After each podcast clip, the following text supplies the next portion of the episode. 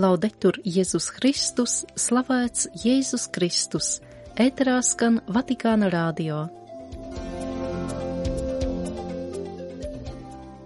Sestdienas 24. februāra raidījumā Saugstēšanās dēļ šodien ir atcelta pāvesta ieplānotā darbība.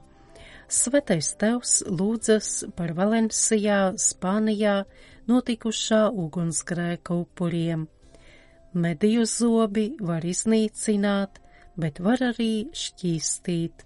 Ieskats kardinālā Ranjero Kantela Mesas gavēņa laika sprediķī.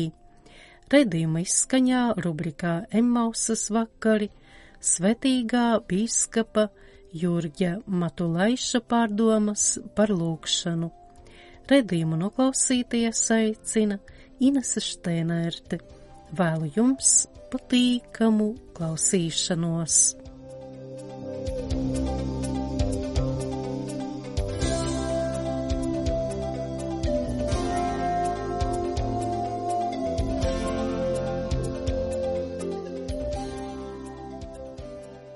Pāvests ir atcēlis plānotās sestdienas audiences vieglas elpceļu saaugstēšanās dēļ. Kopš pagājušās svētdienas, 18. februāra pēcpusdienas, viņš piedalījās gavēņa laika rekolekcijās, kas šogad, tāpat kā pagājušajā gadā, notika privātā kārtā Vatikānā.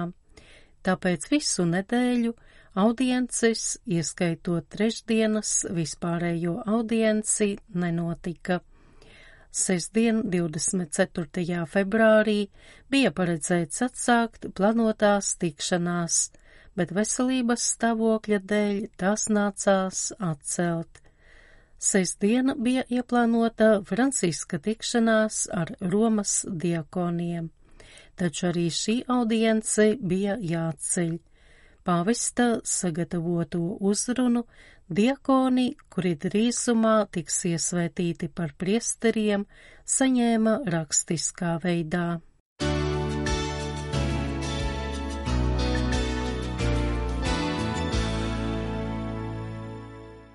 Pāvests Francisks lūdzas par ugunsgrēkā bojā gājušajiem un apliecina garīgo tuvību cietušajiem. Valencijā, Spānijā, postošā ugunsgrēkā daudzstāvu dzīvojamajā ēkā bojā gājuši vismaz četri cilvēki, daudzi ievainoti. Vatikāna valsts sekretārs kardināls Pietru Parolīns telegrammā, kas adresēta Valencijas arhibīskapam Enrikem Beneventam Vidalam, atgādina, ka pāvests Francisks lūdzas par upuriem un viņu ģimenēm.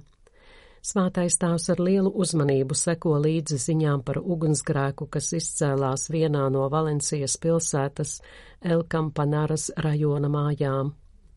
Uzticot traģiskā notikuma upuru dvēseles dieva žālsirdībai, pāvests apliecina Valencijas iedzīvotājiem garīgo tuvību un lūdzas, lai šajā skumju un ciešanu brīdī kungs dāvā viņiem spēku un mierinājumu, atbalsta glābšanas un pazudušo cilvēku meklēšanas darbus. Lūdzot vissvētākās jaunavas Marijas un svētā Jāzepa aizbildniecību, pāvests Francisks no visas sirds dod savu apustulisko svētību cietušajiem.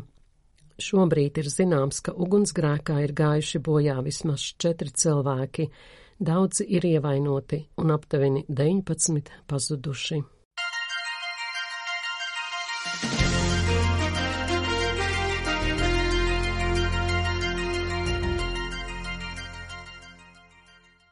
Mēdīju zobi var iznīcināt, bet var arī šķīstīt, apgalvoja kardināls Raņiero Kantelamesa pirmajā gavēņa laika sprediķī, kurā viņš, cita starpā, runāja par masu informācijas līdzekļiem.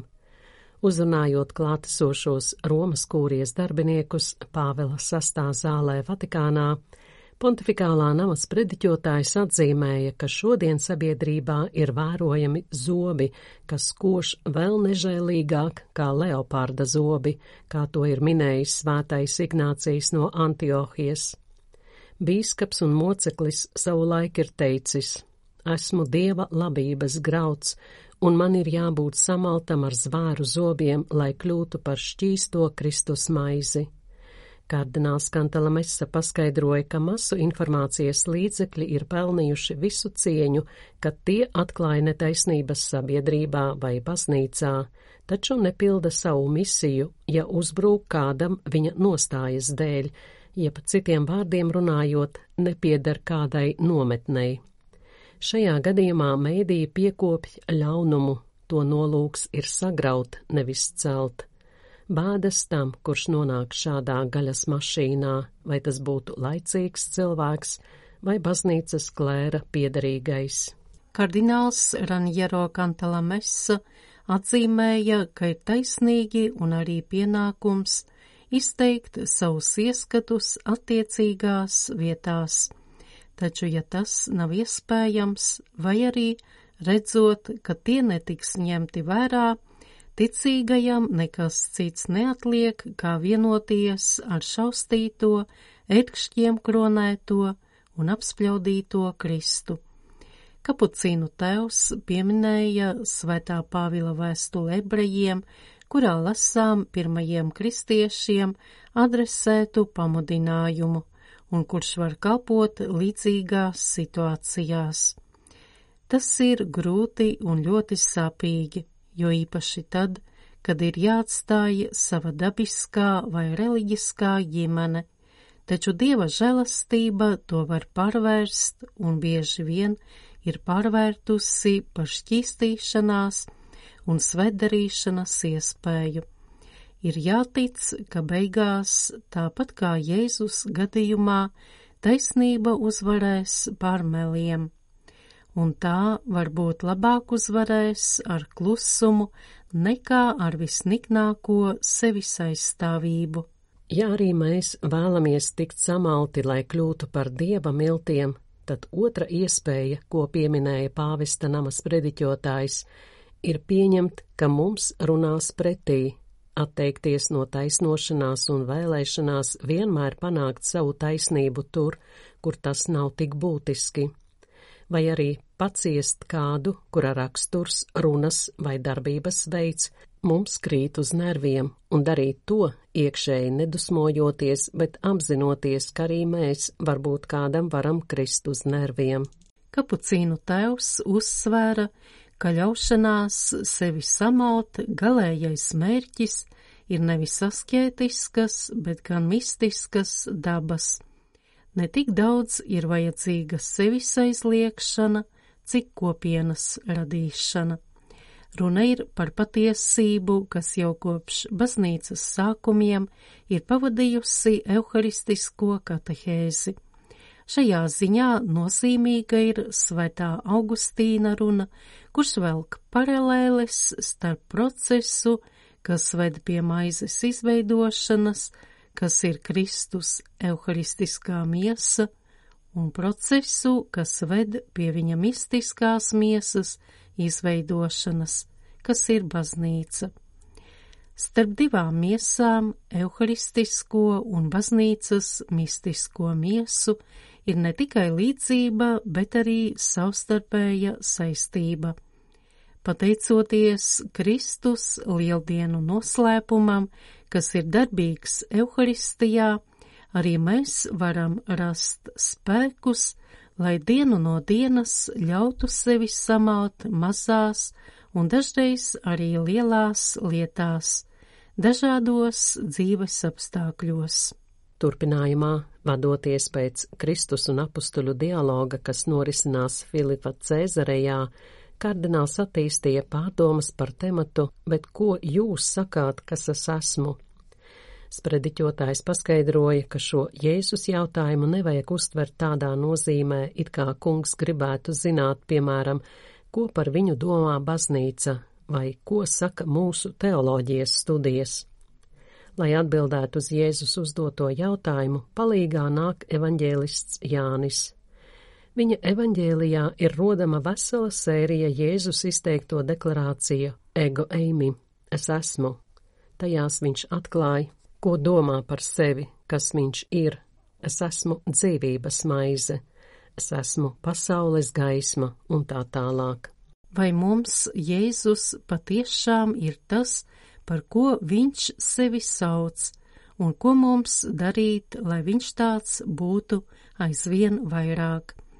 Kardināls Ranjero Kantala Messa pakavējās pie šī jautājuma, atzīmējot, ka pienāks laiks dzīvot īpašā veidā, proti, nevis ar skatienu, kas vērsts uz ārpusi, uz pasaules un pašas baznīcas problēmām, kā to ir pieņemts darīt citos kontekstos, bet gan ar introspektīvu skatienu, ar skatienu, kā evanģelizēt sevi, lai evanģelizētu citus, kā piepildīt sevi ar Jēzu, lai nemitīgi liktu skanēt mīlestībai. Sākot ar pirmo Jēzus apgalvojumu, es esmu dzīvības maize, Sprediķotājs jautāja, kā un kur šo maizi ēt. Uz to ir atbildējuši baznīcas tēvi, norādot uz divām vietām vai diviem veidiem, proti uz sakramentu un uz vārdu, jeb evaharistiju un svētajiem rakstiem.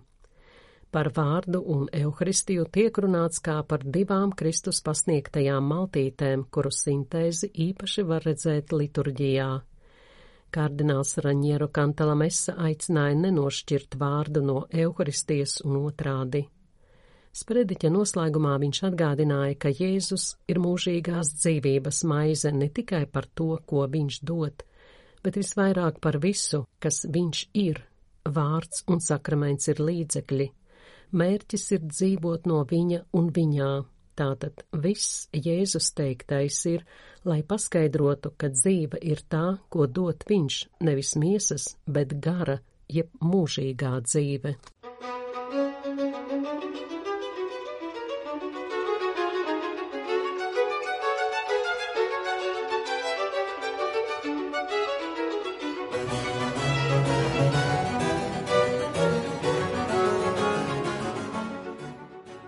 Raidījuma izskaņā garīgās pārdomas rubrikā Emmausas vakari. Šajā gadā Latvijas katoļu baznīcā svinam Marijāņu kongregācijas simtgadi Latvijā. To atceroties, šodien piedāvājam ieklausīties Marijāņu kongregācijas atjaunotāja svētīgā bīskapa Jurga Matulaiša pārdomās par lūkšanu. Homīlijā par Martu un Mariju svētīgais bīskaps sacīja: Marija izvēlējusies sev labāko daļu.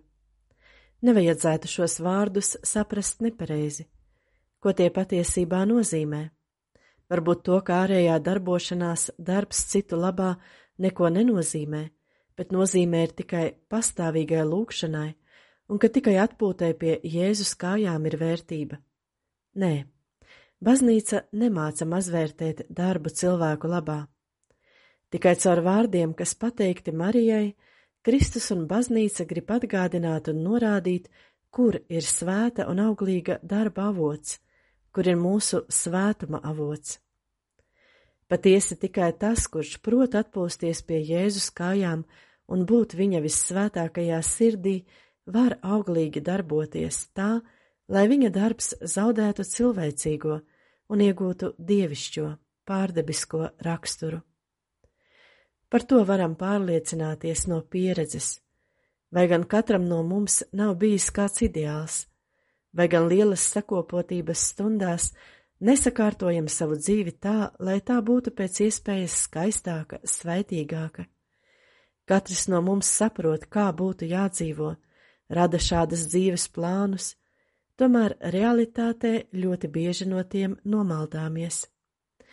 Jo viena lieta ir redzēt labo, saprast to un pēc tā ilgoties, bet pavisam cita iegūt spēkus tam, lai šo labo darītu. Šeit pat nepietiek ar labo gribu. Vajag tajā salikt visu savu esību, visas jūtas, visu savu sirdi. Tomēr cilvēks tikai tad var kaut kur salikt visu sevi, kad tiek dieva pārņemts. Atcerēsimies, ka jūtas ir spējīgas atvest cilvēku līdz varonīgiem tikumiem, un reliģiskās jūtas ir visstiprākais stimuls. Tas ir devis spēkus mocekļiem, palīdzējis apustuļiem iegūt dvēseles un sludināt evaņģēliju. un vēl jūtas arī pašu Jēzu aizveda līdz krustam. Atpūta pie Jēzus sirds audzina mūsos šīs reliģiskās jūtas un izdara to, ka cilvēks spēj ieaicināt Kristu savā sirdī un uzcelt viņam tur troni. Tad cilvēks patiesi dzīvos labu dzīvi. Tāpēc evaņģēlijā par Martu un Mariju Kristus aicina mūs uz lūkšanu un dievbību, jo tā mūs piepildā ar dieva garu un savieno mūs ar dievu. Lūkšana mudina mūs piepildīt sirdi ar augstāko patiesības un taisnīguma garu un ļaut dievam valdīt mūsu sirdīs. Dievs valda mūsos, kad mēs no savas puses pildām viņa baušļus, kad esam vērīgi pret dievišķajām iedvesmām un pamudinājumiem uz labo.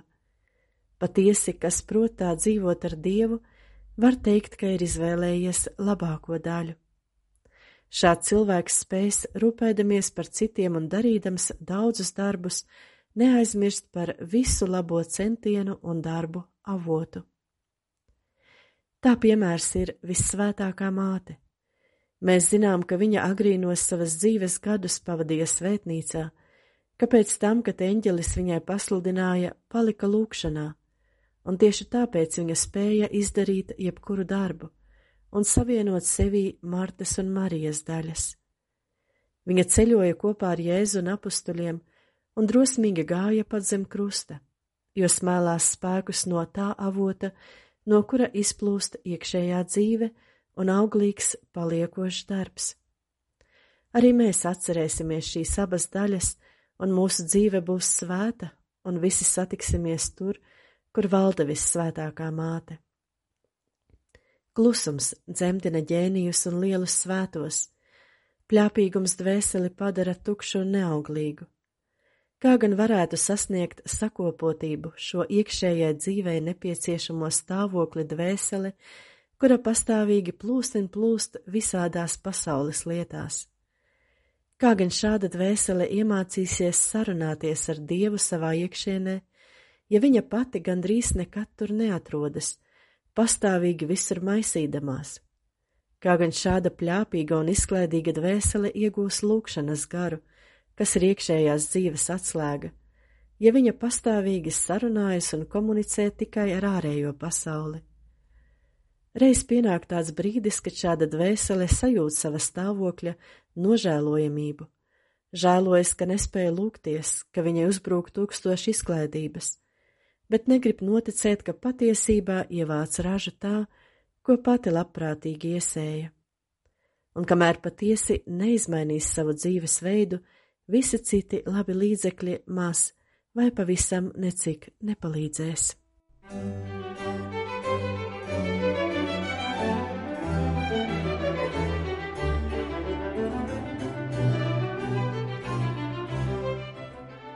Jūs klausījāties Vatikāna radio.